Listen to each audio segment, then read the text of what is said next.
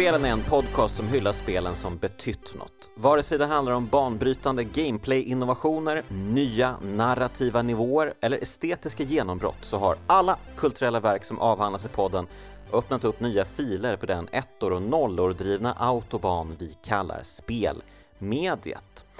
Jag heter Jonas Högberg och idag välkomnar jag tillbaka Johan Henriksson till podden. Tjenare Johan! Tjenare! Hur är läget? Äh, det är bra. Äh, det är bra. Jag, jag förberedde genom att spela någon gång Isaac för första gången på två år kanske. Ja, ah, okej. Okay. Ja, det... Den, den gick bra. Jag fick torn photo på första våningen och ja, vad fick jag? Massa bra grejer. Ja, eh, vi kommer kasta oss rätt in i veckans ämne, men jag tänkte bara säga en sak innan vi gör det. Yes, okay. Eh, vi pratade ju, vi har ju snackat lite om vilket spel vi skulle välja nu inför din eh, återkomst till podden.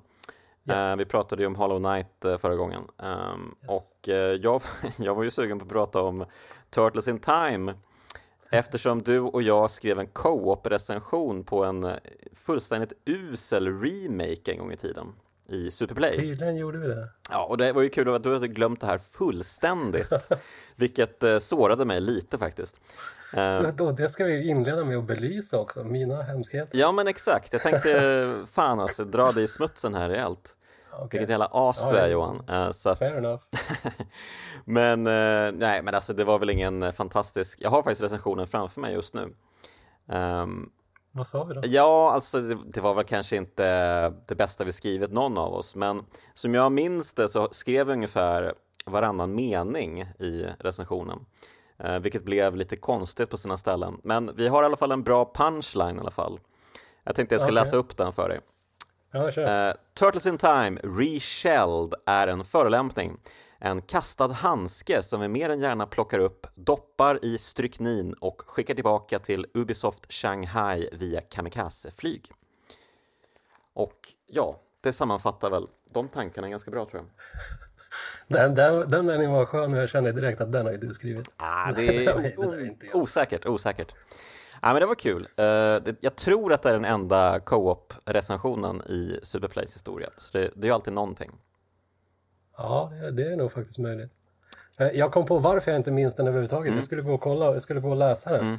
Det, det, var ju för att eh, redaktionen var för snåla för att skicka tidningarna till mig när jag var, bodde utomlands. Ja, okay. Jag fick ju inte få en prenumeration för att det var för dyrt, så jag har ju inte de sista så här, åtta numren. Det här var ju när du bodde i Amsterdam, eller? Ja, mm, precis. Okay. Och sen, jag menar andra halvan av det är väl att jag har tydligen förträngt att man har gjort någon form av kass remake i Ubisoft dessutom. Mm, ja. Som stod för fler eh, skitkassa Turtles-spel under den eran. Ja, verkligen. Uh, ja, jag hade tydligen glömt av helt att det ens existerar. Det låter som någon form av så här Xbox Live-grej från Arcade-tiden. Ja, precis. Och uh, ungefär, ja, ungefär samma tid tror jag, alltså det här var väl något år eller två senare, så kom ju spelet uh, vi ska prata om idag. Uh, fast det var väl ursprungligen ett Flash-spel som sen blev ett Steam-spel och som sen blev ett konsolspel.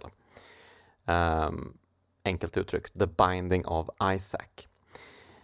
Yes, och uh, jag måste ju erkänna att uh, jag har ju provat att spela det här spelet två gånger tidigare um, och alltid blivit um, besviken. Vad var besvikelsen? det är ju ett spel som jag skulle nog säga att de, de första timmarna är ganska tråkiga med det här spelet. Ja, det kan jag nog köpa. Mm. Men, men vidareutveckla? Ja, men såklart. Alltså, jag har ju, hade ju självklart hört hyllningarna. Hur det här var liksom uh, roguelike-genrens stora liksom shining example. Alltså det här var liksom the shit. Uh, det var ju många eniga om liksom. Och uh, ja, jag hade bara jävligt svårt att komma in i det. Um, det kändes lite långsamt, lite träigt. Um, alltså, träigt? Ja, den, den var svårare att förstå. ja, men jag vet inte, det kändes inte... Är det inte weird as fuck så fort man öppnar det liksom? Alltså det, det är ju själva inledningen till spelet. Uh, det blir, man blir ju intresserad av att spela spelet. När man ser liksom den första uh, introsekvensen till spelet. Och den fantastiska berättarrösten ja. som om jag var seriös hade jag researchat vad han heter. Ja, nej, men han är jättebra verkligen. Jag antar att det är eh, möjligtvis Isaacs pappa som ska sägas eh, läsa upp här. Um, eh, jag vet, eh, ska vi gå in på storyn nu eller sen? Men nej, det är det inte. Nej, okej, okay. men eh, vi, vi kan väl, eh, ja, alltså i och för sig, vi Däremot kan, vi kan ju ta oss... är det musikern som pratar. Det är lite kul tycker jag. Vem sa du pratar? Musiken för spelet. Aha, är det det? Okej. Okay. Det låter ju kul. Men eh, vi kan väl lika gärna bränna av storyn direkt, tänker jag. Eh, alltså, som jag förstått det så är det ju skitsvårt att eh, få liksom se hela storyn eftersom spelet är helt jävla enormt. Det kräver att man varvar det typ tusen gånger. ja, och den siffran kan faktiskt vara nära. Alltså det är, nära, det är möjligt att du inte var sarkastisk där.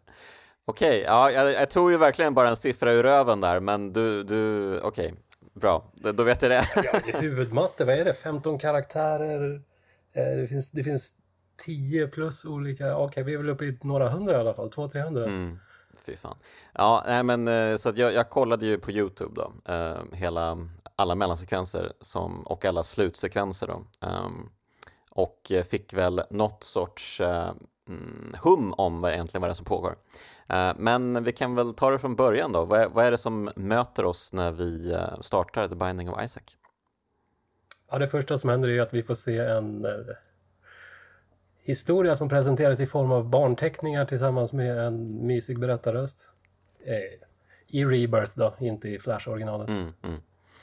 Just det. Eh, som pratar om att eh, den lilla pojken Isaac växte upp i den amerikanska södern tillsammans med en eh, sån born again Christian dåre som eh, ser på uh.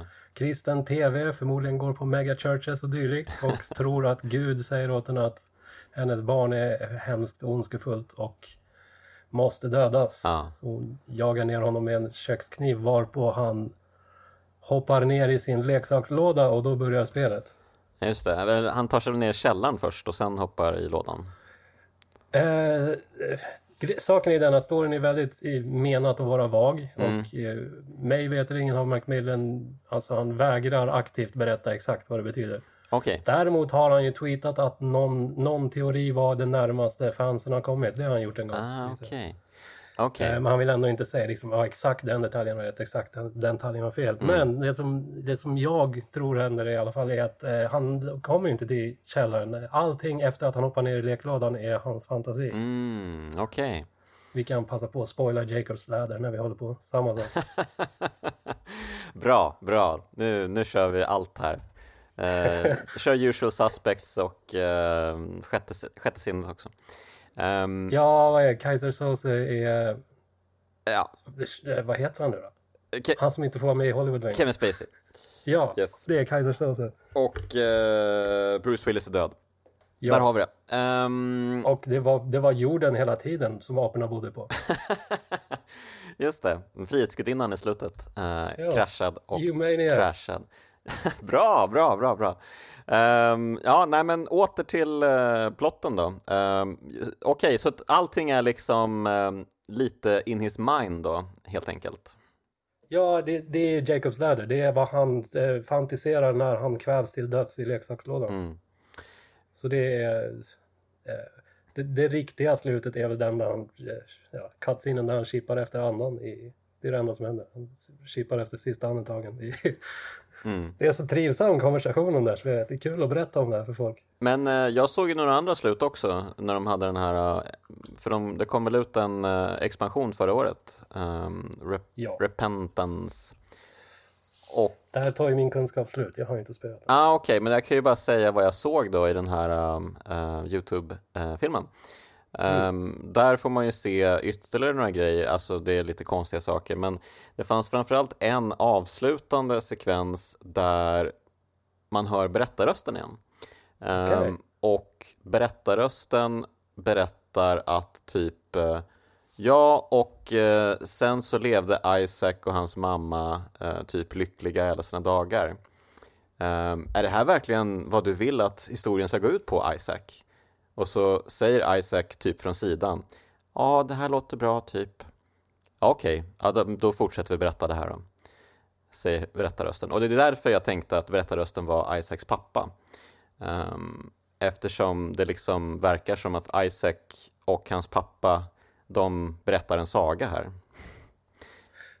Det allra sista Det där, det där binder ju ihop med ehm, ja, hela den där eh, gömma sig i fantasigrejen. Då. Alltså att gömma sig i leksakslådan och eh, Ja. föreställa sig att du går på ett långt, stort äventyr under i källaren. ja, eller så är det ytterligare bara en luring antar jag. Eh, man, Ja, för det, alltså det finns ju ett annat slut som det är mycket lättare att få. Det är, det är, bara, det är bara en utzoomad vidvinkelbild på deras hus och så är det en telefonstolpe där det sitter en missing poster med pappas porträtt. just det. Ja, just det. Mm.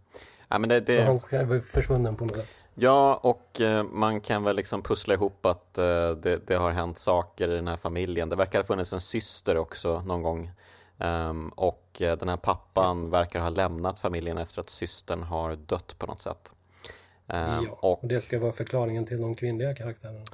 Ah, intressant. Ehm, ja, men, Det är en detalj som är lätt att missa och jag vet inte om det fortfarande gäller längre. Om, om Ed har tänkt på att hålla i- upp det i alla... I, ja, det har ju fått tio år av uppdateringar nästan. Ja, just det. Åtta är det väl. precis. Eh, Men i början i alla fall, allting var ju Isaac. Om man tittar noga, Mm. alla bossar, allting är ju en förvrängd version av Isaac. Mm, Så då är, de, då är de kvinnliga karaktärerna i Isaac i peruk, sades det då eller vad? just det.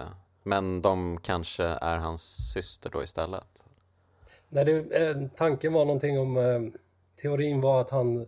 För att föräldrarna förlorade dottern eh, tvingades Isaac ha peruk på sig och låtsas vara dottern. Ah, ja, ja, ja, ja, men of course. Det... Ja, för att allting i det här spelet är upplyftande och glädjande. Precis, alltså det är ett jävla fucked up spel. Nu när jag spelat om, Ja. nu när jag spelat det liksom mer på riktigt då så har ju min flickvän suttit bredvid och bara Alltså jag, jag hatar det här spelet men samtidigt så älskar jag det. Det är någonting väldigt konstigt med det här spelet.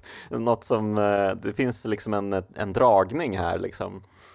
Jo, men det, jag, jag tror ju, om jag ska gissa, jag har ingen aning om vad... vad heter hon Cecilia? Ja just det, jag det stämmer. Yes. Jag har ingen aning om vad hon tänkte, men liksom jag känner att det, det, det påtagliga med det här spelet att det är så otroligt genomarbetat på alla nivåer att det är ofrånkomligt personligt. Det är ofrånkomligt Ed McMillan. Verkligen. Liksom från, från pixel 1 så förstår du att det här är någonting extremt personligt Mm. på något sätt. Och det är väl kanske det som är lockelsen, hoppas jag att jag har rätt i. Ja. Eh, och där kan jag flika in, där är det intressant att eh, alltså fram till eh, förra, förra året Mm. Som jag har sett i alla fall, jag har inte sett varenda tweet han har skrivit och så. Mm. Men i väldigt länge så vidhöll han ju att eh, historien i Isaac, är, det var, hände min kompis, frågar åt en kompis. Mm. Mm.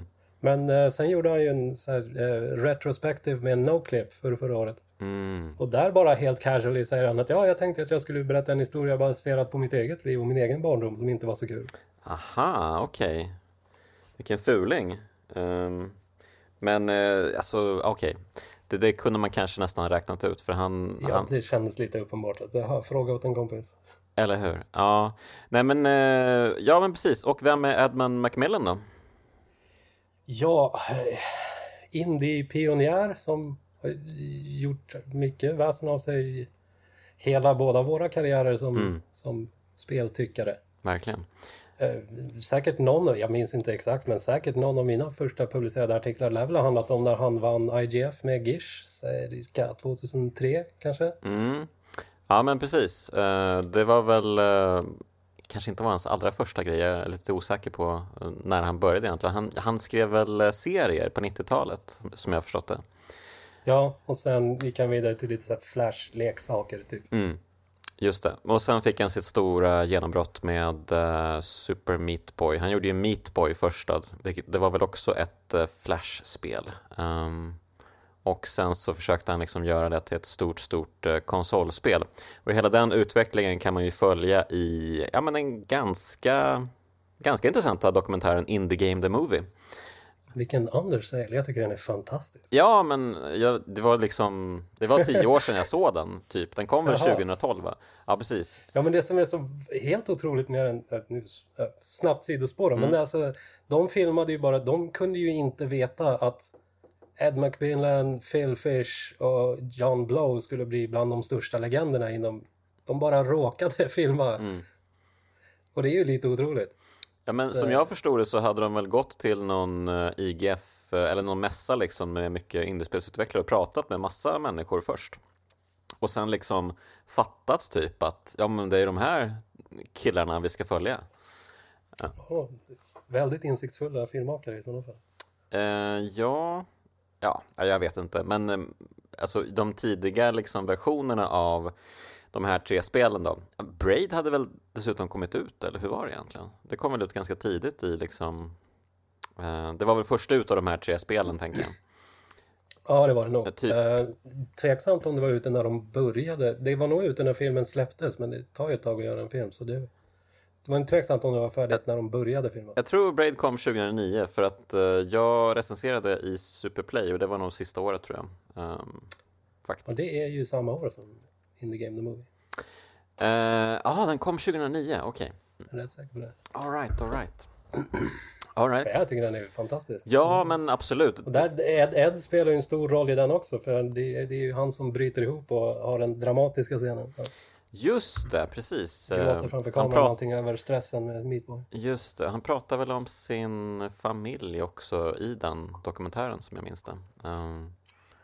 Ja, ja, men... Uh... Ja, sin egenskapade familj, sin, sin biologiska familj pratar han väldigt lite om. Precis, uh, så att, uh, ja, men som sagt, jag har väldigt suddiga minnesbilder av dokumentären. Um, jag kanske borde se om den. Um... Ja, gör det. Jag gjorde den för ett par år sedan, det är fortfarande skitbra. Mm. Ja, men eh, då skickar vi ut den rekommendationen här att se In the Game the Movie. Um, och inte minst är ju Phil Fish i ropet. Uh, hans spel firar väl tio år nu um, i de här veckorna som kommer nu tror jag. Så jag tror att till och med att eh, Eurogamer hade en intervju med honom um, typ idag eller igår dök upp på deras hemsida. Okay. Uh, han har ju helt försvunnit från spelutvecklingssidan. Uh, och eh, är ju lite av ett mysterium. Men det är inte honom vi ska prata om idag, vi ska prata om Edmund Macmillan och eh, The Binding of Isaac som ju var spelet han gjorde efter Super Meat Boy. Det var väl liksom hans rebound-spel. Ja, det var... det här är ju någonting jag inte kan relatera till. Han behövde slappna av från spelutveckling genom att utveckla spel. Ja, precis. Äh, inte ett personlighetsdrag jag har i alla fall. det här är inte en kille som vet hur man slappnar av och det är roligt Nej. för att i In the Game the Movie så får väl han, han får väl en sån här gallblåseproblem och ligger på sjukhus för att det är så jävla stressigt med utvecklingen av Super Meat Boy. Eh, så det är kul att han liksom, när han är klar med skiten bara, nej men eh, nu vill jag slappna av lite, jag utvecklar The Binding of Isaac, det blir jättekul. Um, men det var väl kanske då ett enklare spel helt enkelt, för det var, blev ju ett flashspel då först och det tog väl bara några månader att uh, göra. Um, och... Alltså, jag, jag, jag, även, för, även tidiga versioner, mm. jag vet inte om det någonsin var enklare. Meatboy är otroligt tajt, det har ju kanske den bästa svårighetsgradskurvan jag sett mm. fortfarande. Mm. Men eh, är, är det superkomplicerat att programmera en köttbit som springer fram och tillbaka? Men även första versionen av Isaac hade ju hela grejen med att eh, saker man hittar interagerar med varandra mm. och det var ju där redan från början. Det ja, känns... Nej, men han är väl ett geni då. Det är inte han som programmerar, så det var Florian himself programmerade första versionen. Okej, okay. så han står för själva speldesignen och eh, estetiken antar jag? Ja. Mm. Uh, ja, men uh, ingen skugga ska falla på speldesignen här inte. Det är ju uh, otroligt roliga spelsystem som ja, man interagerar med varandra. Um, och det är väl kanske läge att gå in på det, men först kan vi väl ha den här lite giftiga diskussionen om vad en roguelike är. Jag, jag teasade Oj. om det här tidigare idag och du blev direkt så här: nej, ska vi ha en till sån här Metroidvania diskussion nu? Um, om det är det, nu kommer jag bli stämplad som det där tjurspiken i återkommande irriterande genre-nazisten i kraftspel. Just det. Uh, ja, nej men precis. Men, men alltså, vi, vi behöver inte gå in på det så himla mycket, men alltså, det är ju, det är ju en genre som är väldigt, uh, som har blivit extremt populär det senaste decenniet, uh, får man väl ändå säga. Ja, nej, okej. Okay, okay. Min genre-nazism handlar om skillnaden mellan roguelike och roguelite. Jag tänkte komma till det. Jag menar, en rogue, ja, okay. det är ju väldigt få spel som är roguelikes egentligen. Ja, det är en väldigt smal genre. Um, alltså, ja, jag, jag, kan verkligen inte hela terminologin, men det var något spel som kom 1980 som hette Rogue, som hade mm. de här liksom eh, slump, eh, slumpade banuppläggen eh, och permadeath. Om, om man dör så måste man börja från början och sådär. Ja. Ehm, ja, det hade säkert massa andra definitioner som du vet bättre, men därifrån så liksom, ja, hela termen kommit från Rogue-like som spelet Rogue, helt enkelt.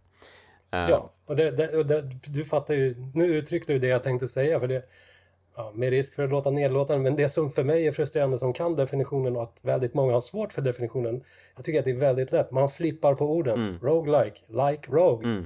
Är det inte like rogue så kan det inte vara en roguelike. Mm. Tycker jag är jätteenkelt, tycker ju jag. Men eh, jag kan klargöra om... Eh, om, om men, eh, det är också väldigt enkelt. Det är, eh, är det inte ett turbaserat top-down RPG så är det inte en roguelike. Eh, eh, det kan ha roguelike element, vilket Isaac har ganska många. ja, precis. Men så, så fort det inte är ett, eh, turbaserat uppifrån så blir det en roguelite. Det, det är bara så. Det är inte djupare än så egentligen. Okej. Ehm, men eh, okej, så vi säger Rogue Light då om eh, The Binding of Isaac. Och ehm, ja, okej, men själv... Och Men, vill man, bara sista, vill man lära sig, lära sig mer så kan man googla Berlin definition. Just det. Fan, jag försökte läsa på det där, men jag blev så jävla trött alltså.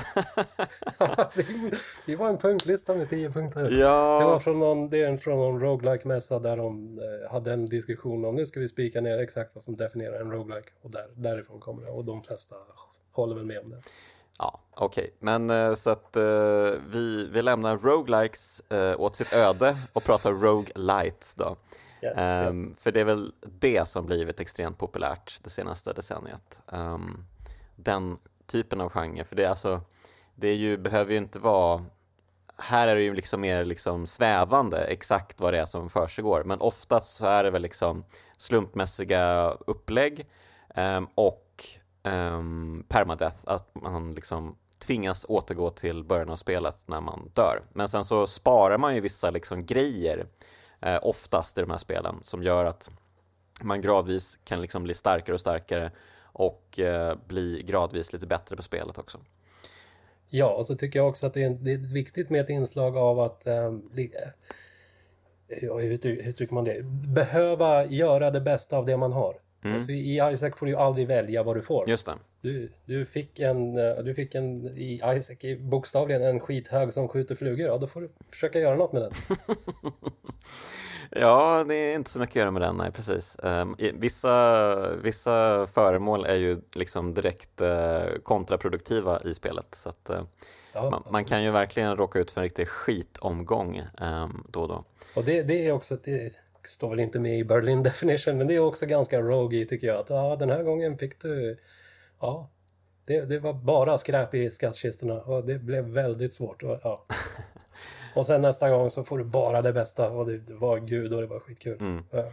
Ja, men det, det här är ju en favoritgenre för mig, eh, roguelites, um, beroende på vad, vad man kan kalla roguelite. Men eh, ja, det är ju spel som... Det, det är nog till och med ännu bredare än roguelike. Ja, det är ju det är liksom spel som Spelunky, Dead Cells, eh, Japp. Slay the Spire och så vidare. Liksom. Det, Och, och de tre du just drog nu, de är ju markant annorlunda från varandra på nästan alla sätt. Precis, det är ju liksom Dead Cells är ju nästan Alltså det är ju nästan typ eh, castlevania upplägg eh, Eller Ja. mer Metroid, Metroid-upplägg kanske Ehm, Och uh, Slay the Spire är ett kortspel till exempel Ehm, Ja. Och Spelunky Ja, det är lite svårdefinierat kanske men plattformsutforskande typ på något sätt Det är väl det renaste plattformsspelet av dem helt enkelt. Ja, just det. Men The Binding of Isaac är ju liksom, precis som du säger, eh, ett top-down-spel eh, som väl är liksom, liksom inspirerat av The Legend of Zelda. Ja, väldigt mycket. Eh, För man har ju bomber, man kan bomba sig fram till dolda rum. Eh, Man ska försöka, eh, jag vet inte om det är ett måste i Zelda-spel, att man måste rensa rummen på fiender, men det måste man ju i Binding of Isaac. Ehm, Är det inte så typ ibland i Zelda? Ibland måste du, ibland inte. Just det, så kanske det är. Fan, det var länge sedan jag spelade första Zelda-spelet Ja, nu. jag med. Jag med. Ehm, men och det, det finns ju faktiskt en... ehm, man kan ju liksom bomba sig till en lucka i golvet ibland. Eh, Ja. Så att man öppnar och man kommer ner i liksom en källare och då är det ju liksom från sidan som det vore Zelda 2. Ja. Det är ju en kul liten hänvisning att eh, ja, det finns eh, ytterligare liksom avknoppningar till eh, andra inspirationskällor. Nästa del i Zelda-spelen och så. Så att kul, kul, kul. Det finns många liksom. Det har ju, det har ju i, i form av utrustningslistan, eller vad man ska säga, det är ju det är massor av referenser också överallt. Ja men precis, eh, inte bara till eh, religiösa grejer. ja, ja, sant, sant. Det är väldigt mycket eh, katolsk och kristen referens, ja. men ja. också spel och det kanske charmigaste är att det är mycket referenser till Ed själv. Mm. Okay. Det finns ju någonting, någon grej från Ad Meat var ju med till exempel. Ja, är han? Det har, inte, det har ju såklart yes. inte jag sett. Jag har ju sett väldigt lite av spelet. Och att få fram mitt på är inte lätt heller. Det rekommenderas inte. Nej. Nej, men eh, som sagt, jag har ju spelat spelet i två veckor nu och eh, jag har ju bara skrapat på ytan egentligen. Eh, men jag vill ju säga det att jag fattar nu grejen. Jag fattar att det här är ett svinkul spel. Man behöver liksom bara komma förbi den där inledande tröskeln lite. Låsa upp lite mer grejer så att ja, men, att det kan finnas mer variation ute på banorna, vilka föremål som finns och vad man kan plocka upp och så. Liksom. Um, bara sådana saker och så kommer det, dyker det upp fler bossar, man låser upp nya karaktärer man kan använda. Så att uh, bara efter några timmar så blir det ju otroligt mer variationsrikt och betydligt roligare. Liksom. Ja, sen eh, det här är ju en, sån, det här är en evig debattpunkt kring det här spelet. Vad det gör med när du går in i ett, eh, ett skatterum och hittar en ny pryl mm. så har du ju inte en aning om vad den gör och beskrivningen säger ju ingenting. jag vet. jag, jag, kan förstå att du den senaste veckan när du har preppat för det här, du har säkert gått in och sagt jaha, det, det här är en gubbe. Vad gör, vad gör den? och så plockar du upp den och så, står det, och så står det ett bibelcitat eller någonting som inte säger någonting och så testar du att skjuta och jaha? Vad hände? Ja. Nej, precis. Det lär väl ha hänt några hundra gånger. För det, det, är ju så det är i början. Och det, ja, jag gillade det i början men ju mer det har växt har jag väl börjat inse också att ja okej, okay, nu när vi är uppe i, jag tror, jag tror de är uppe i 750 items eller något sånt där. Mm då är det kanske lite mycket vid det här laget att, ja. att, det inte, att man får ingen ledtråd alls vad de gör. Nej men precis. Eh, så, så jag menar, eh, så du och jag, vi har ju olika kul när vi går in i ett, i ett uh, treasure room. När jag går in och ser om jag går in och ser en vit triangel med gult, blått och rött i hörnen då kommer, jag typ, då kommer grannarna ringa och klaga på att jag skriker för mycket. Och du kommer säga, jaha, det är en triangel. Men vänta nu, det, vänta nu. Var, varför skriker du? Skriker du av lycka eller av ilska? För att det är skitbra, det är Godhead. Det är, ja, okej. Ja, nu har jag inte spelat senaste DLC, men det var det ovanligaste bland de bästa sakerna i spelet. Okej, okay, okej. Eh, okay. Uh, na, nej men precis, eh, jag har ju, uh, alltså man, man spelar ju liksom bana för bana i det här spelet. Så att uh, en spelomgång består ju av, uh, beroende på hur långt man har kommit i spelet då, hur mycket saker man har låst upp, så är det väl mellan 6 till, är det 9 eller är det 10 uh, banor? Kan vara 10. Kan vara 10, okej. Okay. Du, du har inte full kontroll över om du får spela alla 10. Okej. Okay. Um, ehm, ja, som sagt, det finns eh, sjukt mycket variationer att ta hänsyn till här och eh, mycket slumpfaktor också antar jag. Um, precis, men eh, ja, men så att man börjar ju liksom helt naken egentligen. Han är ju naken också, Isaac, yep. Eh, våran huvudkaraktär och det enda han kan göra från första början är ju att skjuta sina tårar um, ja. i fyra olika riktningar. Um, och eh, röra på sig. Och så kan han ju också lägga en bomb. Det är liksom det han har som starter kit. Um, ja, du har inte kommit dit än. Alla karaktärerna kan ju låsa upp att ha en, en active item också. Ja, dit har jag inte kommit än. Uh, mm. Ja, men det låter ju härligt. Det, det låter ja, som att det blir... Där de börjar med olika saker. Eh, eh, typ, Maggie får den värdelösa Yum Heart som är, det är bara healing. Mm -hmm.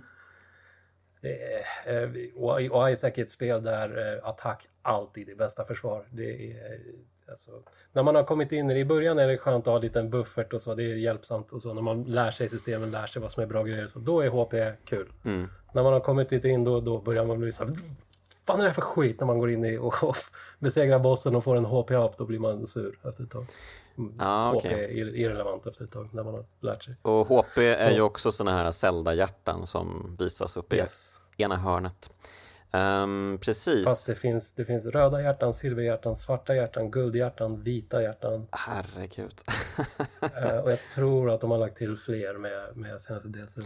Eh, ja, alltså som, precis. Jag har ju försökt botanisera lite i hur man ska spela det här spelet och du har ju gett lite tips och eh, ja, så har jag liksom försökt liksom i desperat famla mig fram på Youtube via olika guider och sådär. Men så jag har ju förstått att en viktig grej är ju att försöka spöa bossarna utan att ta skada till exempel.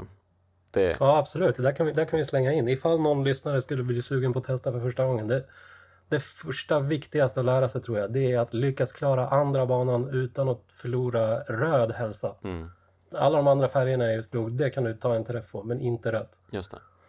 Och eh, tar du dig igenom eh, till bossen och besegrar bossen utan att ta en röd träff, då får du en deal with the devil, vilket är... Eh, Djävulsprylar är oftast offensiva medan änglaprylar oftast är defensiva. Ju, Och som vi nyss sa, defensivitet är mycket svagare i det här spelet. Så du, du vill inte vara god. Du, du vill inte sälla dig med änglar. Du vill ha djävulen, du vill ha Satan. Just det.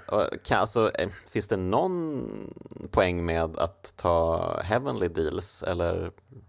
Eh, ja, det är det enda sättet du kan få Dad's Key, heter det Dad's Key? Eh, så att du kan öppna dörren till Mega Satan.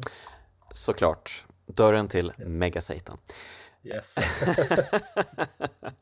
Man Underbart. får ju yttra fantastiska meningar om det här spelet som sagt. Mm, ja, väldigt bra. Eh, men precis, så att eh, man, när man tar de här devil deals då offrar man ju röda hjärtan eh, Permanent också. permanent. Så att eh, man ska ju samla på sig så mycket blåa och svarta hjärtan som möjligt. Eh, Ja, precis. Man ska, man, det bästa att göra är ta första våningen med, om det ploppar ut ett eh, silver, svart, någon annan färg än rött, lämna det på golvet tills du har rensat allt annat. Gå sen tillbaka och plocka upp alla sånt så att du har dem fräscha och du har en barriär mellan dina röda hjärtan och bossen. Och sen på våning två rusar du till bossen eh, och skippar rum på vägen om du måste. Och där ett, ett tips är, man, kan lära sig hur det genererar banorna och bossen försöker alltid ligga så långt bort, bort ifrån startrummet som möjligt. Så om du tar upp hela kartan så kan du gissa vart den är oftast. Okej, wow. Och eh, jag antar att eh, riktigt bra spelare också har koll på var alla hemliga rum finns någonstans. Ja, Secret Room ska ligga så nära shoppen som möjligt, ska helst vara kopplat till tre rum. Det måste vara tillgängligt från alla tre rum så du får inte stå en sten i vägen. Mm, Okej. Men- Och, eh, ganska det- ofta innan bossdörren, eller? Och, vad sa du? Ganska ofta in, alltså rummet innan bossen. Eh, Det är Super Secret Room som också, den ska helst ligga så nära bossen som möjligt men den ska inte vara kopplad till, några, till fler än ett rum. Okej. Det är logiken. Så det vanligaste stället för om, nej, kanske inte är värt att beskriva, men om, om bossen är en ruta till, till, till höger och sen sista rummet är en ruta till vänster och sen fortsätter gången rutor neråt, då kommer Super Secret ligga till vänstra väggen rakt över rummet från bossen. Oftast. Okej, och det här är ju liksom rum där det oftast finns bra föremål, även hjärtan och Nej, sånt. det, det skumma är att Super Secret är alltid kass. Jaha, okej. va? Typ inte värd att hitta. Okej. Eh, aha, okej. Det är ingen riktigt som har fattat vad Ed tänker där eh, genom åren. Mm. De, de är ganska värdelösa, att de inte är värda bomben för det mesta. Ah, Okej, eh, Secret Room däremot är alltid värt att hitta nästan. okej, och det är liksom kopplat till shoppen på något sätt?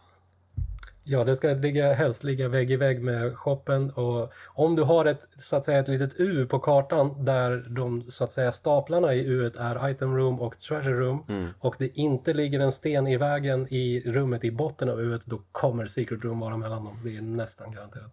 Okej, det här är jävligt bra tips alltså. Mycket bra. Uh, fan, det här ska jag ta med mig. Jag måste spela mer nu. Djävulen alltså. Ehm, ja, nej men eh, så att eh, ja, man, man, man fortsätter, man plockar upp jättemycket grejer. Ehm, man har ju, alltså vi måste väl prata lite om de här, alla de här föremålen också för att det är ju sån Absolut. Herregud vad, vad, vad, vad, liksom, vad knäpp man känner sig första gångerna man spelar det här spelet. eh, jag, till exempel, jag fattade inte att det gick att använda pillrena förrän efter ett par timmar. Nej, det är förståeligt. Ja.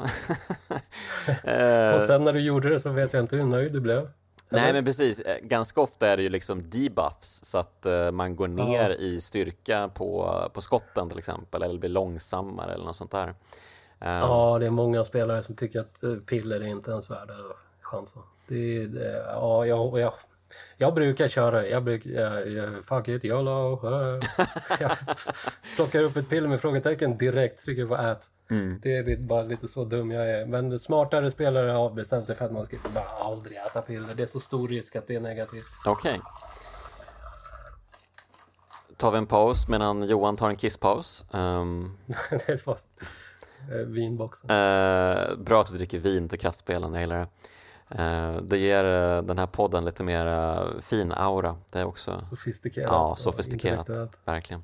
Ehm, men alltså, okej, så att piller, piller är skit, precis som på riktigt. Ja, det kan debatteras också.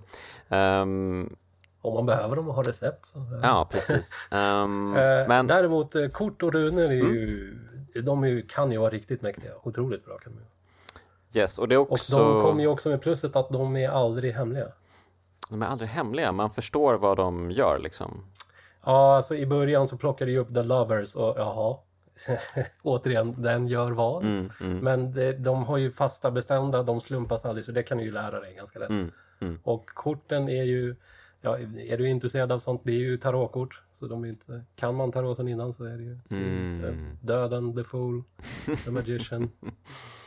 Ja, det är ju, det är ju jävligt snyggt faktiskt att kunna använda tarotkort som power-ups. Ehm, ja, nej men eh, precis, jag har ju ingen koll på det här egentligen. Ehm, men sen finns det ju liksom en rad andra föremål som man liksom bara staplar på sig, som man plockar på sig. Ehm, och det är ju ett jävla gytter av grejer alltså. Men de liksom påverkar skotthastighet, skottstyrka, um, Isaacs egen snabbhet. Um, det finns ju, alltså skotten kan ju bli konstiga, alltså de kan ju börja brinna, det kan bli giftskott, det kan, man, det finns, man kan ju liksom eh, göra variationer på skotten så att man tvingas ladda upp skotten och skjuta iväg större skott.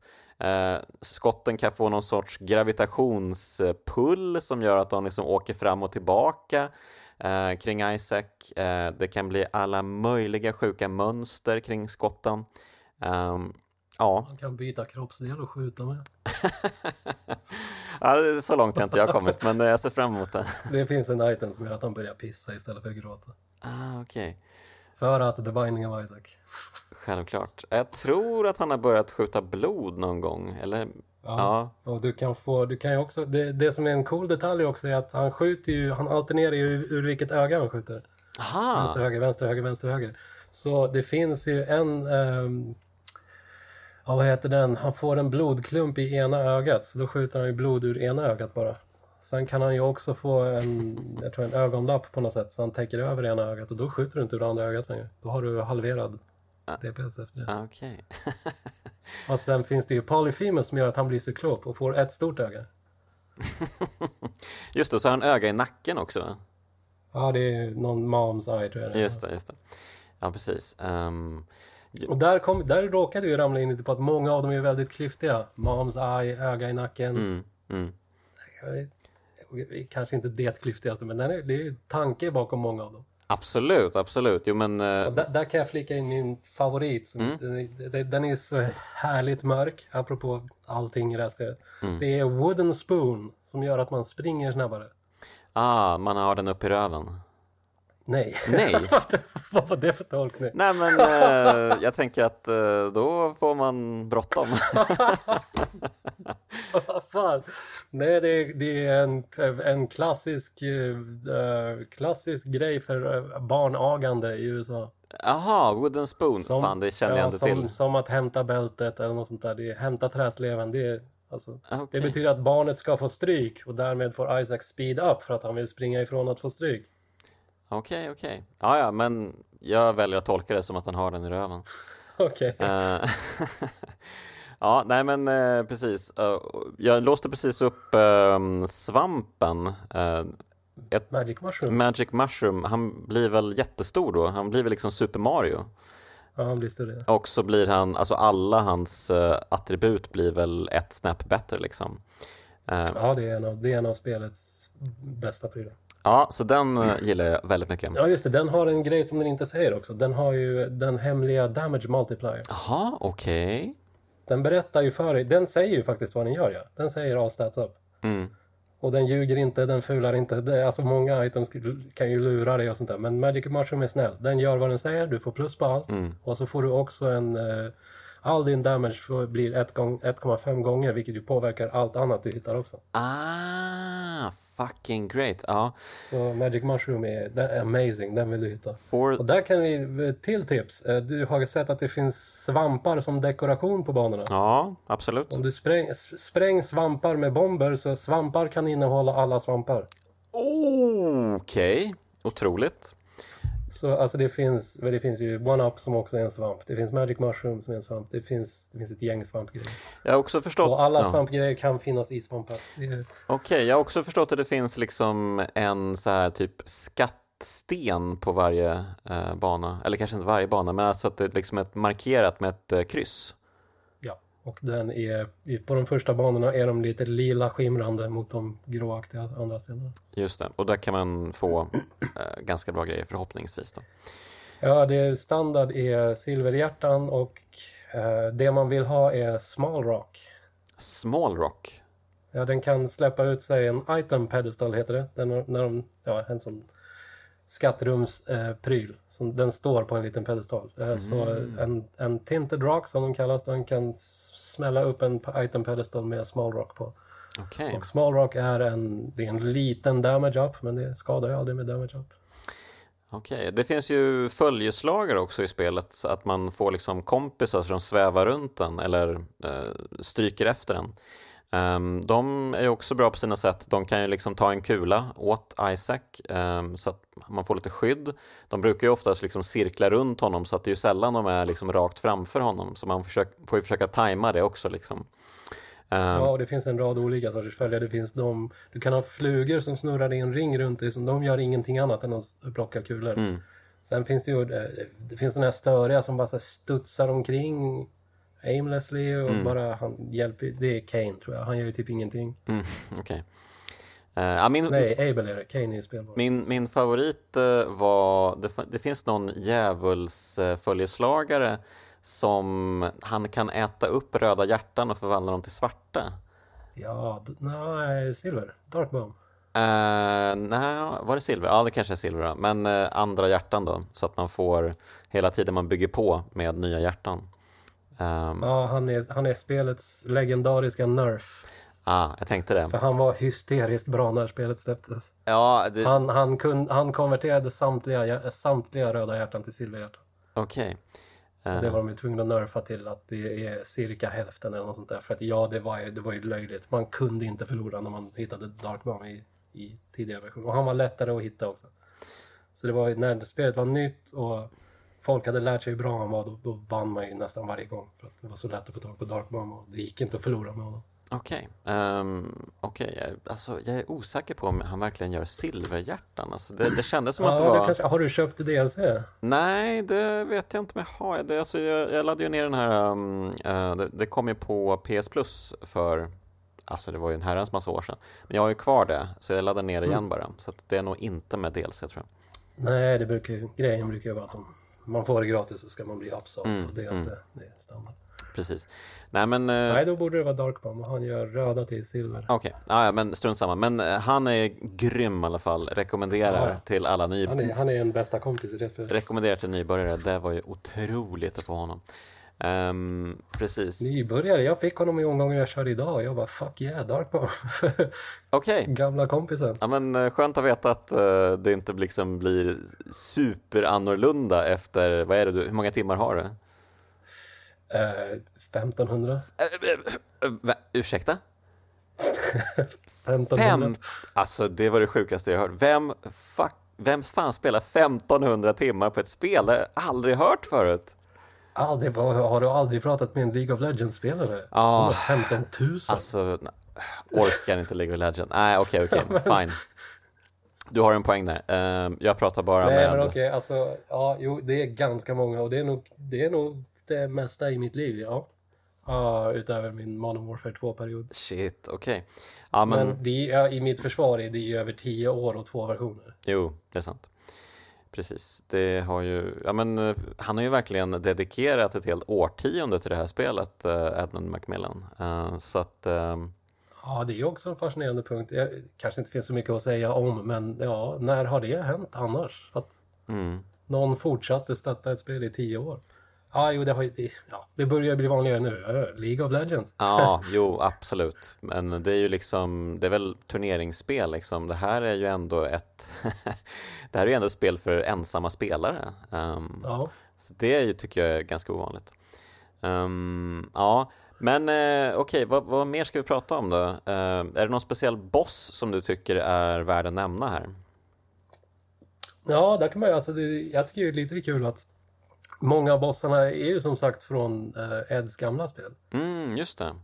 Vilket är, det är bara så här charmigt och kul trivia. Så. Mm. Och, och det, det, är ju liksom, det är den typen av grej som inte alls är negativ för någon som inte förstår. Mm. Alltså känner man inte igen Gish så, ja, okej, är en slemboll. Han passar in ganska bra i resten av det här slemmiga spelet. Men känner man igen honom så känner man igen uh, Gish. Eh, det är Steven från eh, spelet Timefuck. Mm. Också, Eh, jag läste att eh, Duke of Flies var en eh, design för Meatboy ursprungligen. Eh, ja, det stämmer säkert. ja, så att det finns säkert hur många exempel som helst. Han har liksom bara ehm, Jag tror inte, av någon anledning tror jag inte att det finns några referenser till Eds spel Kant. jag undrar varför.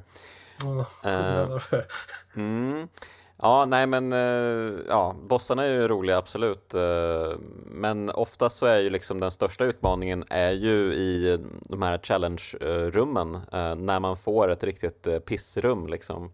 När det är liksom statyer som sprutar um, kulor samtidigt som det är massa jävla fiender av olika slag som samtidigt uh, gasar efter en. Det är ju, det är ju terror liksom. Där kan vi komma in på en... Uh bossarna, speciellt bossarna på första två våningarna är exemplariska i det negativa i det här spelets utveckling. Okej.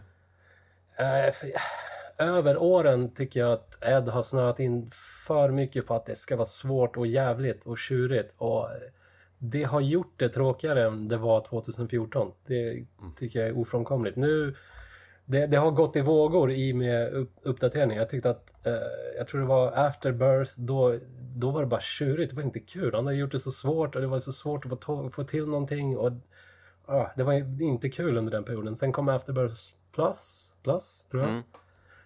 Och då återställde han balansen lite. Det var lite roligare. Och det har ju att göra med att han typ... Ja, I någon av expansionerna så matar han på med för mycket HP-prylar i bosspoolen. Vilket betyder att det vore för svårt att få... Det är där man får pålitliga damage ups, vilket är mycket viktigare.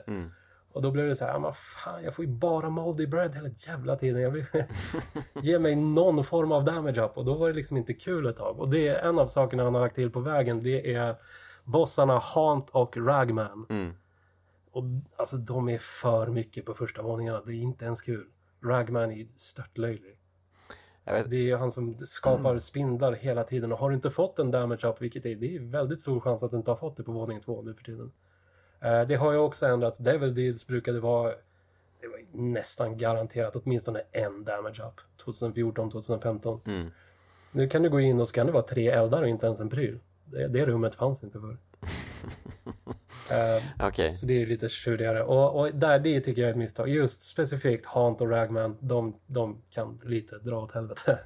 okej, ja, men det finns ju eh, liksom minibossar som dyker upp lite då och då. Ehm, de här sju dödliga, eller seven deadly sins, det är ju eh, Ja. de sju dödssynderna.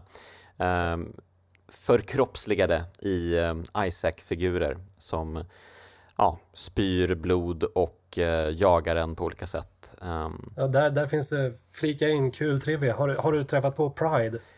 mm, osäker. Det är ju en dödssynd av stolthet. Mm. Och karaktärerna som är Pride, det är Ed och Florian. Jaha, okej.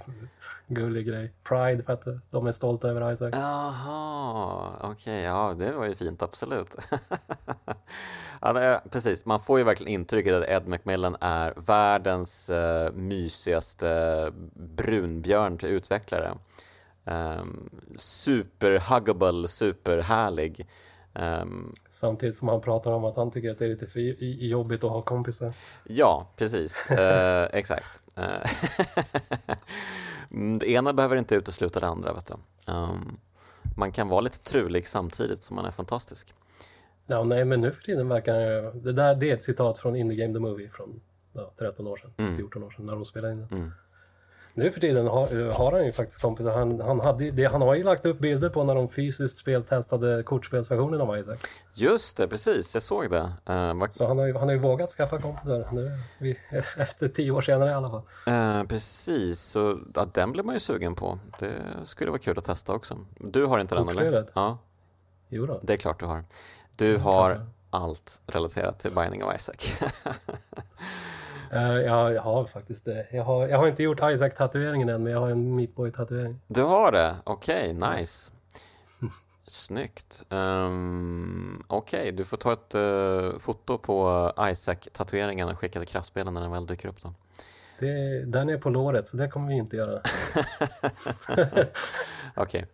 Um, ja, men uh, vad ska vi prata om mer då? Um, det här med butikerna, man, man stoppar ju in, um, man får ju man, pengar lite då och då. Uh, och ja. de kan man ju stoppa in i de här, uh, vad säger man, bankomat? Donationsmaskiner. precis. man kan ju liksom bättra på butikens utbud genom att donera pengar hela tiden. Ja, just det. Och det är ju också ett bra... Där, där sa du något bra. Ja, det är också ett bra nybörjartips. Mm. Donera så mycket som möjligt i början. Mm. För att det går... Det viktiga är att shoppen går från tre möjliga prylar upp till fem. Okej. Okay. Och det är ju en procentuellt stor skillnad. Alltså det, det, en, det, det, kan vara en superviktig, liksom fundamental grej för att, för att bygga upp din spar, sparfil för framtida omgångar. Det är superbra att göra. Mm. Ja, grymt. Eh, men har du fler tips som man måste känna till då? Oh, uh, oh. Satte dig på pottan här. Ja, eh, alltså platinumgod.co.uk, den vill man ha bokmärkt. Det är en, det är en ikonlista så att du behöver bara leta efter ikonen, mm. vilket ju är lite jobbigt. Men eh, du måste hitta ikonen där och då, då får du veta exakt vad prylen gör. Åh, oh, det här ska bokmärkas, absolut. Så, eh, och du kan, man kan söka, jag tror att den till och med är så smart att du kan försöka skriva, alltså om du inte om du hittar ett öga så tror jag att du kan skriva in eye och få upp alla som är ögon. Okej. Okay. Ja, det låter ju grymt. Eh, om du får upp ett öga men du kommer inte ihåg exakt vad den hette. Eller om du får upp ett öga och du vågar inte ta det för att det kan vara negativt. Mm. Då kan du söka på ögat. Fan. Tror jag. Alltså, det här måste, vilken trend det har varit på 10-talet i och med Dark Souls och då Binding of Isaac och säkert många andra spel. Det här att man måste, um, att spelet inte blir liksom fulländat förrän man pratar med andra via forum och uh, liksom är inne på internet och läser på om spelen och sådär. Ja, det var min, uh, sidospår om Dark Souls, det var min det, det jag tyckte kanske mest om med Dark Souls eh, var upptäckten att när folk säger get good, det betyder inte reflexer och dodge-färdighet, det betyder, det betyder påläsningsmöjlighet. Just det. du, du, måste lära dig hur Dark Souls fungerar. Du måste fråga folk, du måste läsa wikin. Mm. Och det är ju lite så i det här också. Verkligen. Ja, men precis. Just nu är jag inne på Binding of Isaac eh, wikin och Eh, här finns ju liksom allting uppspaltat. Eh, här kan man ju se alla bossar, monster, pickups, modes, ehm, allt möjligt liksom. Ehm, även items kanske, ska vi se här. Ja, då, det finns absolut. Det finns absolut, men det är kanske inte lika bra som tipset du gav. Nej, Platinum God är för lätt snabbt att se vad de gör exakt. Mm. På Wikin däremot, där lär det väl stå, där står nog allting. Exakt hur du låser upp den, mm. exakt vart den går att hitta jag tror inte, jo det står på Platinum Gold också. Mm. I, det finns det. Ja, men jag tycker det, det, det är någonting charmigt med det verkligen, det här eh, att eh, på något sätt att man lämnar över spelupplevelsen till spelarna, att forma den tillsammans. Um, det är väldigt charmigt och, och uh, väldigt uh, härligt att uh, liksom bli en del av själva bygget av spelet. Liksom. Ja, det är nog kanske kanske när spelande är som bäst, när man, även, även om man känner sig asocial och så, så uppmuntrar det på ett så pass bra sätt. Mm. att eller snarare sagt oavsett vilken socialitetsnivå man är på. Från, från asocial till extremt extrovert lärka. Mm. Så kan man få ut något av det. Och, och det positiva är att många av dem tvingade. Eh, vilket vissa behöver då. Mm. Men eh, du nämnde att du inte spelat den senaste expansionen. Um, känner du dig klar med spelet eller var, varför har du inte liksom bara kastat över den? Därför att jag... Uh, jag raderade min perfekta sparfil. What? mm. Okej. Okay. Va, va, varför? det vill jag nästan... Okej, okay, fine. För att jag... Jag blev lurad av att grejen är att Playstation gör ju inte som alla andra plattformar och när du går in och laddar om ett spel, laddar in, ner ett spel igen som du äger en massa extra material till men inte har installerat. Mm. Steam och Xbox hämtar ju allting du äger till det spelet. Mm. Det gör inte Playstation. Aha. Fick jag upptäcka. Och då laddade jag hem grundspelet och gick in och bara, vad fan är det här? Vart är min save? Vad är det som händer? Mm. Och då trodde jag att, ja ah, men okej, okay, det, är min, det är för att jag har laddat upp till cloud. För att jag gör alltid det när jag är klar med ett spel. Då backup ah, till cloud. Ah. För att det ingår i PS Plus. Uh, men då hade jag tydligen, trots att det här är ett av mina favoritspel någonsin, så var det, det enda gången jag inte har kommit ihåg att ladda upp min färdiga sparfil. Så det låg någon form av 30% färdig sparfil där. Ah, fy fan. Och sen insåg jag att oh, shit, det är annorlunda för att jag inte har DLC. Så installerade jag det och sen, oh, nu har jag inte kvar spaningen där jag hade gjort allt med alla karaktärer. Nej, fy fan. Vilket jävla sätt. Lite tråkigt det för jag, alltså jag gjorde det för att förbereda sig för repentance. För att okej, okay, allt ska vara färdigt så att alla upplevelser är nya då. Så att jag inte behöver... Mm. Jag behöver inte grinda Hush med The Forgotten när så var tanken. Så jag gjorde det då istället. Och nu vill jag ju aldrig spela Keeper of the Forgotten igen. Jag vill inte ens låsa upp The Forgotten. Ah, och jag tror inte ens du vill veta hur man gör för att låsa upp Forgotten. Det är inte ens kul. Ah, fy fan alltså. Nej, men... man, man rusar till första bossen och besegrar den på under en minut. Då kommer en vissla eller vad det är. Då ska man åka tillbaka till första rummet, släppa en bomb i det rummet och landa en halv spade från himlen ska man ta den spaden som tar upp ens active item slot dessutom så man inte kan ha något annat i den. Ska man släpa den ända ner till eh, Dark Room, vilket är nionde våningen. Och var sjätte sekund eller vad det är så kommer Moms Foot och stampar dig hela tiden. I nio våningar. alltså vilken mardröm! Uh, ja. Alltså det här spelet, ja men precis, jag har ju, jag har ju kollat på lite Youtube-videos, jag har, jag har ju märkt uh, att uh, fan det är några riktigt sjuka grejer som pågår här. så är det ju verkligen. Ehm, för att låsa upp vissa saker, krä, alltså det krävs ju övermänskliga, liksom gudalika, ett gudalikt tålamod framför allt. Ja, jag tänkte flika in det att det, du kan vinna på tålamod och tjurskallighet snarare än ren liksom, reflexfärdighet. Mm. Nej men precis, alltså det är ju inte supersvåra liksom, attackmönster eller något sånt i det här spelet. Utan det... Nej, och när de är det så tycker jag nog ärligt talat att de inte Det har ju inte de tajtaste bullet patterns jag har sett, kan jag säga. Okej, okay. uh, eh, vil vilka, vilket spel har de tajtaste bullet patterns? Det, det är ju Cave, det säger sig själv. Ah, ja, okej. Okay. Caves alla spel med andra ord. Yes, samtliga. Såklart. Ja, eh, Cave gör ju otroliga shoot em ups, eh, värt att flika in. Men jag vet inte, gör de det fortfarande? Eh, när de gjorde ju någon flytt till mobil för några år sedan. Mm. Uh, och jag testade väl mobilversionen av Espgaluda eller om det var Mushi Himesama. Och det, det var ju en bra mobilkonvertering men hur, jag vet inte hur kul det är att sitta och nöta sånt på mobil. Nej, det går nog bort tror jag. Um, ja, framförallt för att för man styr ju genom, ja, genom att trycka tummen på skärmen så har du ju din tumme i vägen för karaktären. Mm. Nej, det är ett jävla sätt också. Uh, mobilkonverteringar, fy fan. Um, men okej, okay, men ska vi prata lite endgame då? Um, alltså, jag, jag, har ju bara varvat spelet. Um, det är ju inte den egentliga varvningen av spelet förstår jag ju. Men jag har ju kommit då till uh, en boss, spöat den. Ja, och här får man återigen säga en fantastisk mening i det här spelet. Du har bara kommit till livmodern. Just det precis. Eh, så först så kommer man ju då till, eh, om det är bana 6 då, då man spöar mamma. Det är hennes fot eh, kommer ner och så finns det liksom hennes ögon i fyra olika dörrar och hennes händer också kommer från ja. dörrarna. Så det är liksom som att hon cramping your style verkligen, som att hon, som att det är liksom kistan, man är i kistan och hon håller på att ta sig in i kistan liksom. Ja. Um, så att eh, ja, det är ju en ganska lätt boss måste jag säga. Um, första mamma-bossen.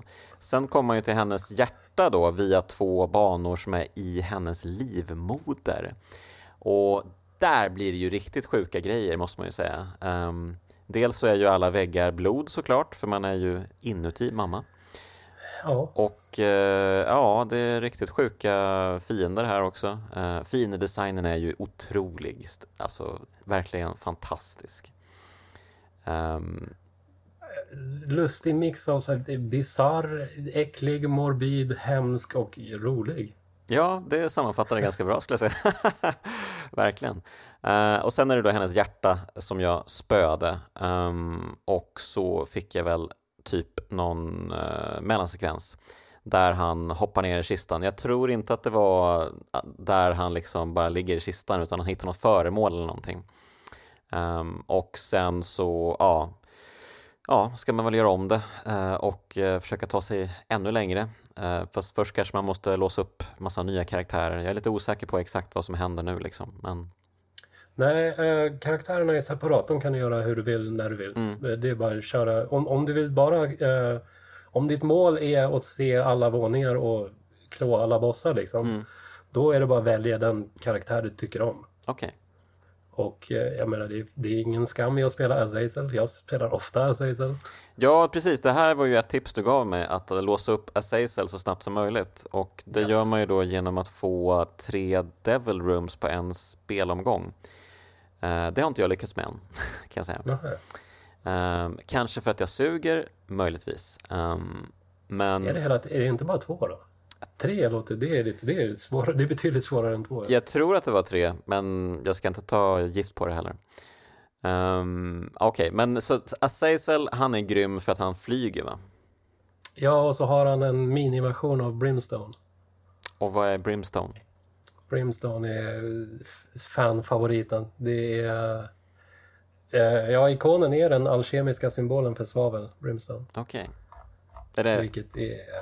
Ja, det heter något annat också. Någon form, det är korset med ett evighetstecken i botten. Okej, okay. och då, vad betyder det rent spelmässigt? Ja, du skjuter en laser ur munnen istället för tårar. Ah, okej. Okay. Ja, det låter ju väldigt trevligt. Uh... Ja, det är en fet laser som täcker hela skärmen och uh, dödar allt. En fuskkaraktär kan man säga.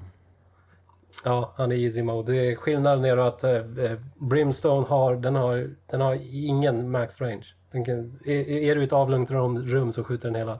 Mm. Men hans Brimstone skjuter bara 5 cm. Så du måste vara nära. Okej, okay, okej. Okay. Och range-ups hjälper, men du måste ha ett 15 stycken för att det ska märkas. Okej. Okay. Uh... Eh, du, jag tror att du kan ha... Jag tror att om du hittar... Vad heter den? Är det... det är, nej, är det Whipworm? Nej. Non-worm gör att han kan skjuta betydligt längre, tror jag. Okej, okay. uh, oj, det här uh, blir väldigt nördigt avsnitt känner jag. men... Jo, men det, det, är också en grej som spelet är så härligt fullpackat av att till exempel du kan besegra Mam genom att använda The Bible. Uh, vadå, bara använda The Bible och så är hon död? Ja, gå in i rummet och tryck på Activate så vinner du. Det gillar jag. Däremot om du går in i, i fighten med Satan och använder The Bible så förlorar du. Ja, okej. Okay. Uh, does it make sense? Uh, ja, ja. Ja, vadå? Satan gillar inte Bibeln. Nej, men man tycker att Bibeln borde besegra Satan. Ja, eller, Fast man är ju i helvetet och där är kanske Satan kung. okej. Av någon anledning är man Är i det för jävla diskussion helvetet. vi har här? Okej, ja nej men eh, så Satan är liksom slutbossen eh, då. Eh, jag tror att det finns en annan slutboss nu i och med expansionen i och för sig. Ja, det är, det, är en helt, det är helt nya förgreningar. Okej. Alltså, du, kan, du kan välja att gå istället för... eh, ja, det- jag kan ju inte exakta detaljerna, men istället för att gå från... eh, vad heter det? Catacombs till The Boom Mm, så kan du välja att istället för att gå till The Boom så kan du gå till isstället eller vad det är. Ja, Jag vet ju inte vad de heter och sånt där. nej okej, mm, Men du kan gå till en helt annan förgrening. just det. Just det, just det. Ehm, Delirium tror jag slutbossen heter nu. Um, Det är ju den som man inte kan bestämma om man får gå till. ah, okej. Eh, Eh, jag, jo, om, jag, är det så om du besegrar Mega Satan så får du alltid en Delirium-portal, tror jag. Kan det vara så? ja, jag vet ju inte. Eh, Däremot om du besegrar eh, Isaac eller The Lamb så jag tror jag det är 25% chans att få en Delirium-portal. just det, man slåss mot sig själv i det här spelet också. Det är kul. Ja, det är som jag nämnde tidigare. Alla fiender är Isaac. Mm. Också en Zelda 2-referens då. Är det det? Ja, man slåss mot sin spegelbild där väl? Ja, jo, i slutet. Ja. Yes. Um, mm, Okej. Ja, eh, shit. Ehm, är det någonting vi missat nu Johan? Är det någonting som du känner, fan det här måste jag säga? Jag vet inte, alltså jag ty tycker att en stor sak, där är det synd, du har inte hunnit se så s- all, långt ifrån alla, alla prylar. Mm. Jag tycker att det är där storheten och värdet ligger. Jag tycker att det är där, det, det finns ju otroligt många spel som har inspirerats av Isaac, men det, det är så väldigt många av dem som missar att det är liksom inte bara kärnan med att det är en dual stick shooter och roguelite och random. Det är ju det är ju prylarna som är grejen. Och många av dem missar. Man, det är så tråkiga grejer man kan hitta. Mm. Och där kan jag tycka att liksom... Kommer du inte på något kul själv så sno idéerna då. Mm. Ed hade inte blivit sur. Han spelar ju till hälften snott från Zelda. Det Ja, precis. Ehm, han, det, är liksom, det är ingen som kan klandra att, som kan påstå att spel inte bygger på varandras verk hela tiden. För så, så har det ju varit hela tiden. Liksom. men Jag tar ju ehm, alltid inspiration från de föregående. Så. Men ja, eh, prylarna är ju så stort och viktiga. Så har du hittat några som du har blivit eh, snabbt förälskad i? ja, men jag har ju nämnt eh, typ Svampen och den här djävulsföljeslagaren. De, de var ju otroliga såklart. Ehm, Men ren, alltså, rent vapenmässigt, um, alltså Ja men kanske, det var ju väldigt kul när jag hade de här gravitationskulorna ehm, och typ bara skapade någon sorts jävla virvelvind runt mig själv med kulor. Ehm, Oh shit, Tiny Planet. Ja, det kan det vara kanske, ja. Du sa något positivt om Tiny Planet. Jaha, det gillar folk inte. Nej, det är den mest hatade. Okej, okej. Ja, men jag vet inte, det kanske tilltalar mig då. Men vad är, vad är din favorit då? Ja, Alltså den jag... Alltså, den som jag alltid kommer ha liksom instinktivt programmerad positiv respons till, det är Polyphemus. Som gör vad då? Ja, Det är alltså att han blir cyklop. Det, ikonen är ett stort öga bara. Okej, Ett stort öga som glänser. och skjuter jättestora kulor. Yes. Mm. Det blir en stor kula istället för två små. Men det, det är mer än bara att ta, liksom, plussa ihop DPSen från två kulor. Det är mycket mer DPS. Det Mm. är sanslös skada. Och det är just det, den funkar så också att eh, säg, att säg att den gör 100 i damage och fienden har 50 i HP. Då, om du träffar den fienden då kommer, då kommer eh, kulan sjunka till 50 och sen fortsätta åka. Så resterande fortsätter. Ah, smart, så den, ah, okej. Ja, grymt. Det finns så jävla många variationer på skott man kan göra, det är så sjukt alltså. Eh, Ja, och den, en härlig detalj är ju att eh, det här är någonting som fortfarande saknas i de flesta spel. Att när du, när du köper en ny rustning så tar din karaktär faktiskt på dig den rustningen. Mm. Det är fortfarande lite töntigt ovanligt kan jag tycka. Mm. Men allting du tar på dig i Isaac påverkar ju hans utseende. Mm. Så efter fem våningar så ser han ju fucked up ut. De flesta prylarna gör ju hemska saker med honom. Verkligen. Ja. Han får blåtiror och får utslagna tänder och, och allt det stackar ju så att han ser ju ut som ett ufo när han har plockat upp tillräckligt mycket grejer. Precis. Om han, Han- har gloria, han har glasögon, han blöder ur ena ögat, han har tändstickor som tvingar upp ögonlocken. Ja, han, ser liksom, han ser liksom ut rent bokstavligt som han känner sig. Eh, Ja, lite. typ så. Eh, ja men det är fantastiskt när han liksom tar de här ehm, sprutorna som gör att man får liksom eh, eh, typ anabola muskler eller liksom mer kraft så blir han ju helt deformerad i ansiktet liksom. Ja, den är, den är så här simpel men också bara en kul, bra pryl att hitta. Det är den gråa nålen, den gråa sprutan. Mm. Det är Syntoil, det är Syntoil i anabola. Okej, Den är bara, det är bara damage up tror jag. Det är alltid gött att ha damage up. ja. Ja, ja. Mm. En annan bra är Ludovico-teknik. Den är inte alla som gillar, men jag tycker den är skitkul. Okej, vad gör Ludovic och eller, teknik? Den gör så att du inte längre skjuter kulor utan du har en konstant svävande kula som du styr med högra spaken. Ah, Som, och den rör sig typ som en karaktär. kul! Ja, den måste jag låsa upp. Och den kan du då, alltså den kan du göra kul grejer med. Om du kombinerar den med Brimstone så har du en flyttbar snurrande lasercirkel istället. Mhm. Wow. Och om du kombinerar eh, Ludovico, Brimstone och Spoonbender då har du en lila lasercirkel som böjer och vrider sig och för att eh, Spoonbender är ju målsökande.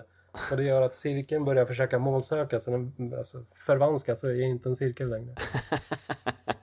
Just det, men det är så kul att alla de här olika power-upsen, de liksom samspelar med varandra. Eh, De Ja. ersätter inte varandra utan de bara liksom bygger på eh, existerande effekter. Yes, det är ju bland det bästa med hela grejen. Mm. Och där har, där har du en kombo som finns från början som du... Ja, det går inte att frammana någonting i det här spelet. Men om du hittar det så du vill definitivt kombinera Brimstone och Tammy's Head. Okej. Brimstone är ju svavelsymbolen som du hittar i Devil Rooms. Mm. Ett- den, eh, den, kan, den kan, tror jag, dyka upp i röda kistor. Men det är extremt ovanligt. Eh, Okej. eh, och Tammy's Head finns i guldkistor och ibland i Item Room. Mm. Tammy's Head gör att när du trycker på Active Item så skjuter den kulor åt alla håll. Åt åtta riktningar på en gång. Okej, det, Har låter, du Brimstone så blir det ju åtta lasrar. det låter ju extremt bra. Och den har eh, recharge time på ett rum. Vilket betyder att du går in i ett rum, laser, rensar hela rummet, går in i nästa rum, laser, rensar hela rummet. Repeat resten av spelet. Gå in. Fy fan. det är också en sån... Lyckas du förlora med det så ska du ha något pris. Men det, det är också bra med det här spelet för det är ju inte liksom så här perfekt balanserat utan det är ju vissa grejer är ju verkligen OP, alltså overpowered liksom helt extremt. Eh, och, det, och det känner man ju, eh, även om han såklart har eh, uppdaterat spelet flera gånger och liksom gått lite fram och tillbaka så kände ju jag nu när jag spelade att vissa saker liksom, ja det här är ju klart bättre än det här. Det här måste man ju använda. Ehm, som med svampen till exempel. Eh, Absolut. Och där, där säger du också någonting bra. Att det där är också någonting, för att jämföra med andra spel igen, det, det är många designers som är så besatta av balans. Mm. Och det är så få spel, också så här på rak arm. Borderlands 2 gillar jag av samma anledning, för det tillåter dig också att bli helt crazy. Mm. Eh, det, det, Isaac kan antingen ge dig så att du får en skitkaraktär och du kan inte ens få ihjäl andra bossen. För du, gör, du har så låg DPS. Just det. är bara, det är bara värt att, det är bara att lägga ner. Ja, Eller så kan du vara en ostoppbar interdimensionell gud som förstör allting när du kliver in i rummet. mm, mm, Och, och det är de, det är de liksom topparna och dalarna som precis. Ja. är det allra mest fr- framgångs... Eh, vad heter det? Beroendeframkallande, tror jag. Ja, det, ja. Jag har känt av det några få gånger men när man, är, när man blir riktigt kraftfull i spelet alltså, uff, vilken rush, alltså underbart. Ja, det, och det är ju... Som sagt, det, det, är då, det är då förmodligen du känner att ah, det kanske skulle bli en till omgång. Alltså. Jo. Jo men absolut, Eh, jag har ju funderat på om jag ska spela andra spel också men det har inte liksom blivit av utan jag har spelat The Binding of Isaac i två veckor typ. Ehm, faktiskt. Kommer du ihåg vad du hade, liksom din favoritomgång? Har du haft någon kombo som var extra kul? Ja men det var nog första gången, alltså när jag mosade eh, mamma första gången, alltså inte hjärtat utan första gången jag liksom halvvarvade spelet eller vad man ska säga. Eh, först så varvar man ju spelet så att man får komma sen i nästa spelomgång till hjärtat. Eh, och Ja. då hade jag någon jävla, alltså det var, jag hade dels stora skott, det var tre skott samtidigt, eh, det var en jävla damage up, jag tror jag hade svampen också, så jag var ju stor som ett hus liksom. Ehm, och ja, men jag, bara, jag bara plöjde, det var underbart. Ja, Ja, ja, nej, det jag försökte fundera på vad du hade där. Då hade du, du hade ju definitivt The Inner Eye, det är trekulor, Mm. triple shot. Mm. En av få grejer som faktiskt säger vad den gör. mm, Den heter The Inner Eye, men beskrivningen är triple shot. Just det, okej. Chock- Chockerande nog bara rakt av säger vad den gör. Ja. Eh, ja, den är, den är bra. Eh, den har ett litet minus i att du skjuter långsammare. Ja, just det, precis. Eh, stora kulor, var de riktigt stora så kan du ju ha haft polyphemus. Hmm, ja, det är ju svårt att säga. Eh, annars, eh, allting, det är också en kul detalj, allting växer ju dynamiskt. Så alltså om du får, ehm, oh, jag kommer jag inte ihåg på rak arm vad, vad, stat, vad de olika statistikerna heter. Det är väl bara damage då.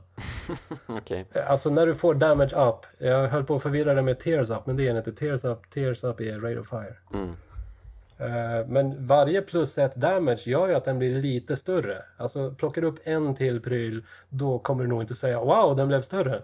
Men eh, mm, över tiden, plockar du upp 10 så kommer du definitivt märka att de blir större. Och det, det funkar också med... eh, Det finns ju fler sätt att växa på än Magic Mushroom. okej, ja, Eh, Du kan bli större av... eh, Man blir större temporärt av kortet Strength till exempel. okej. Mm. Och jag tror det finns ett pill som är... Ja, det finns piller som är både size up och size down. Mhm. Och båda de, om du lyckas tvinga fram att få 100 sådana, då kan du bli... Alltså, Isaac kan bli så stor så att han täcker skärmen. Ah, fy fan vilket spel alltså. Ehm, ja, jag har ju förstått att det finns massa moddare också på eh, liksom, PC-sidan som har gjort uh, jättemycket för spelet också. Eh, Ja, det är. Ja, där, där, där råkade du ta upp en bra poäng, om du inte vet det här innan då. Ja, han som gjorde den stora modden till Flash-versionen hette Spider-Mod. Okej, Det var, den, det var den som alla använde. Jag har använt den massa gånger själv. okej. Mm. Det, den gjorde ju bra saker som, alltså den la ju till lite features som spelet inte hade, typ att man kunde se eh, damage numbers och sådär, alltså hur mycket skador du gör och hur mycket HP fienden har och så. Mm. Eh, och därför finns det ju, den var till Flash-versionen, men nu finns det ju en pryl som finns att köpa i affären i Rebirth som heter Spider-Mod. Okej. Ja, Eh, vilket är kul, och den Spider-Mod gör så att du ser damage numbers bland annat. Ja som men... modden gjorde. men, och eh, Spy, Spider själv jobbar på Rebirth. Det är också lite kul. Ah, okej, såklart. Självklart. Ehm, Så helt enkelt Ed blev imponerad av Spider-Man och rekryterade honom till... Ja men eh, precis, jag har förstått det som att han har liksom assimilerat ganska mycket modgrejer till de här expansionerna. Ehm, Ja, precis. Eh, Eller ja, eh, hela den här nya Repentance är ju, var ju från början... Hette modden Antibirth. Mm, kanske. Det, det var ju, hela grejen var ju en mod från början. Mm. Som de, alltså, de har ju arbetat om den och Ed har gått ut och sagt att ja, det var vissa saker som inte riktigt... Alltså det var så här bra försök till tolkning av min poäng men ni fattade inte riktigt. Så jag skriver om typ beskrivningen av den här så att det är mer i linje med Okej. min tanke i historien och sånt där. De har gjort sådana justeringar så att det är liksom mer passar hans röst så att säga. Då. Okej. Men eh, hela, hela grejen var ju en mod från början. Eh, Och alla de här, det finns ju DLC som de har det, för de är gratis. Eller så måste man äga någon annan DLC för att få dem. De här som heter Booster Packs. Okej. Mm. Och de var, all, allting i alla Booster Packs är eh, fan-made.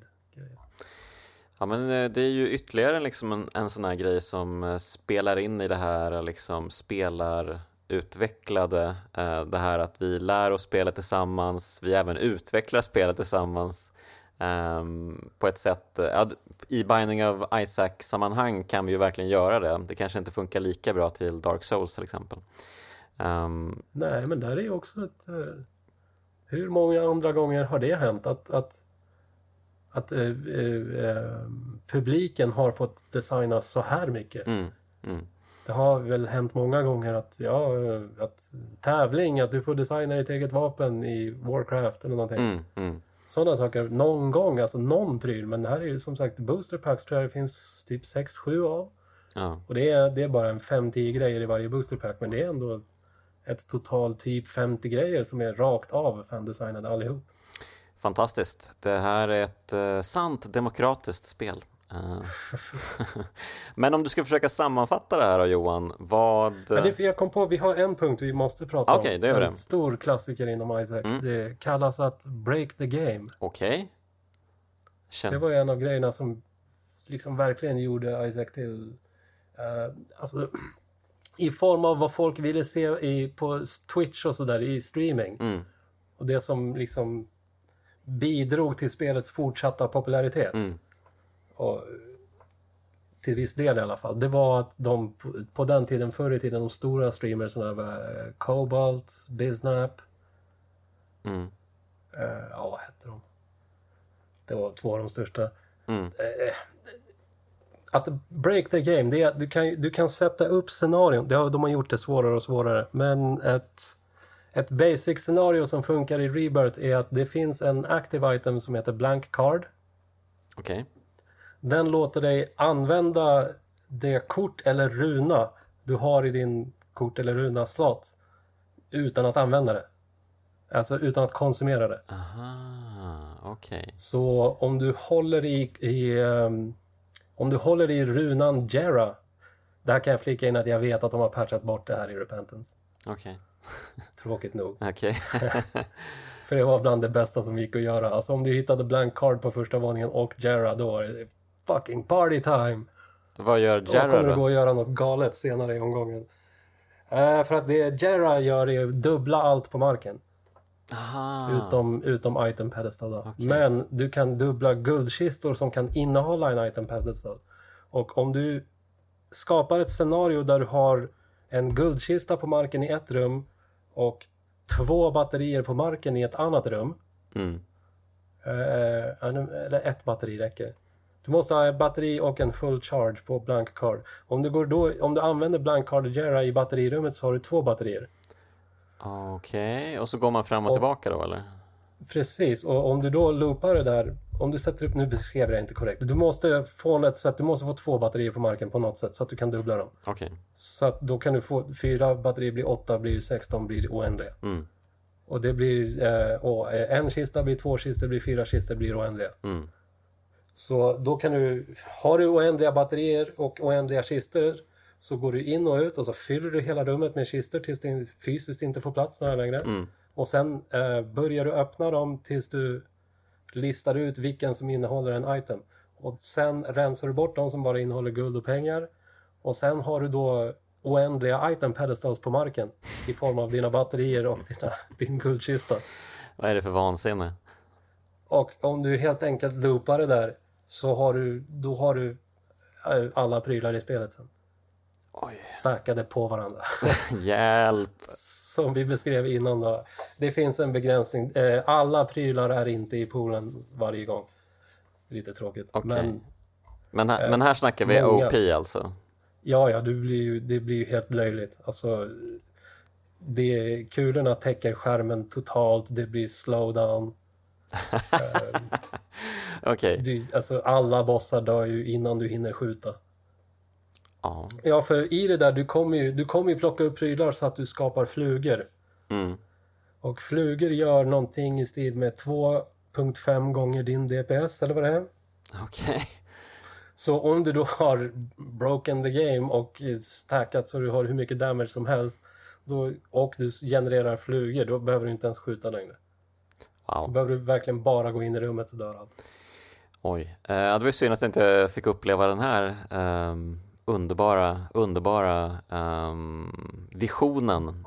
Men, Det, är, det härliga är att det finns så många olika sätt att göra det där på också. Det, det är inte, Blank Card och Jara var gratis, det var nästan... mm. Man, man kunde göra det här i Flash-versionen också. Då, blank card, vare sig blank card eller runor överhuvudtaget fanns i Flash. Okej. Ja. Och hur var det man gjorde där? Det finns olika sätt. Man kan ju, man, kan ju hålla på med bloddonationsmaskinen. Är, den är grym för mycket. Okej. Eh, för den tar ju bara från röda hjärtan även om du har silverhjärtan. Okej.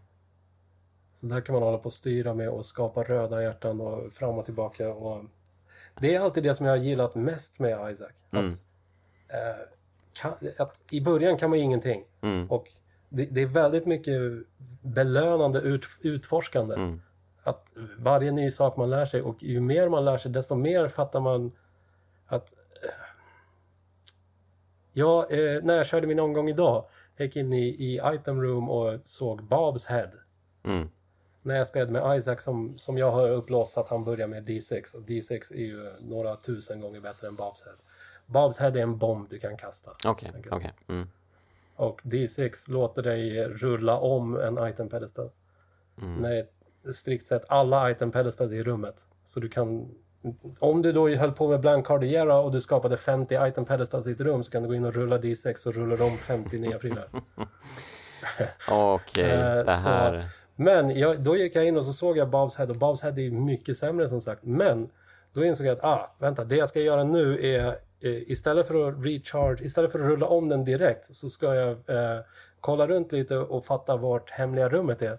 Kasta Bobs Head på det en gång, få upp utan att behöva spendera en bomb för att öppna Secret Room. Sen gå tillbaka och hämta min D6 och rulla om Bobs Head och få någonting bättre. Eh, nu tror jag att jag fick Mulligan, som är, den är grymt bra. Eh, och det är sånt där jag menar. När man är ny, då går man in och bara, vad är det här för grej? Ett zombiehuvud. Mm. Och så testar man och bara, ha en bomb kasta som tar tre rum och ladda om. Vad ska jag med den här skiten till? Mm. Eh, och så tänkte jag själv länge. Mm. Och det krävdes ju ganska mycket övning och erfarenhet innan jag insåg att ah, men man ska ju passa på att använda Bobs head som en bomb, så sparar man en bomb. Mm. Eh, och så kan man göra saker som att till exempel om det finns ett offringsrum, det är rummet som bara har en spikmatta i mitten. Mm. Det är ingenting annat. Och som nybörjare förstår man nog inte alls vad det är till för. Nej, det, det har inte jag fattat. Nej, du, om du, på, det, det är bara värt att använda på första våningen. För det, till skillnad från Blood Donation Machine så går det inte bara på röda hjärtan utan det, du tar bara skada. Mm. Så har du så här fem silverhjärtan då är det ju inte hålla på och ställa dig på spikmattan och slösa dem. Det är ju bara dumt. Mm. Men om du är på första våningen och du, du inte kan få en Devil Deal ändå Mm. då är det värt att kliva och ställa sig på den för den skapar ju mynt och nycklar och silverkistor och sådär. Mhm, Okej. Och det finns också en, det finns en eh, fördefinierad eh, trappa för det där. Alltså det är tredje gången du offrar så får du alltid det här, fjärde gången du offrar får du alltid det här. Okej. Och skulle du sätta upp ett scenario där du kan offra så här 15 gånger eller vad det är på första våningen, då kastas du ner till din sista. Okej, ja, det, det, det, alltså jag kommer ju... ehm, jag vet inte om jag någonsin kommer att lära mig allt eh, som finns att lära sig i det här spelet. Men eh, det kanske är det som är charmen med spelet också. Men eh, hur skulle du liksom sammanfatta The Binding of Isaac? Varför tycker du att det är ett kraftspel? Oj. ehm, Take your time. Ja, alltså vi har ju rört på mycket av det. Det är ju faktumet att det är... Mycket av det är ju att det är ett så uppenbart starkt och väldigt personligt spel i en kulturform där det inte är särskilt vanligt. Mm. Eh, eh, Alltså vi, vi har ju några få kreatörer i spelvärlden som man fattar direkt att ah, okej, det är en massa pretentiöst nonsensbabbel. Undrar om Hideo Kojima skrev det här nonsenset. Ja, precis. Alltså, vi har ju bara några sådana som går att känna igen direkt. Liksom. Mm, mm, Och Ed McMillan är ju på den korta listan. Att, eh, dels är det ju hur han tecknar, känner man igen, Jo. men också att är det något lite skumt, mörkt, men, men troligtvis väldigt också humorladdat spel så är det ju en god chans att han är involverad. mm.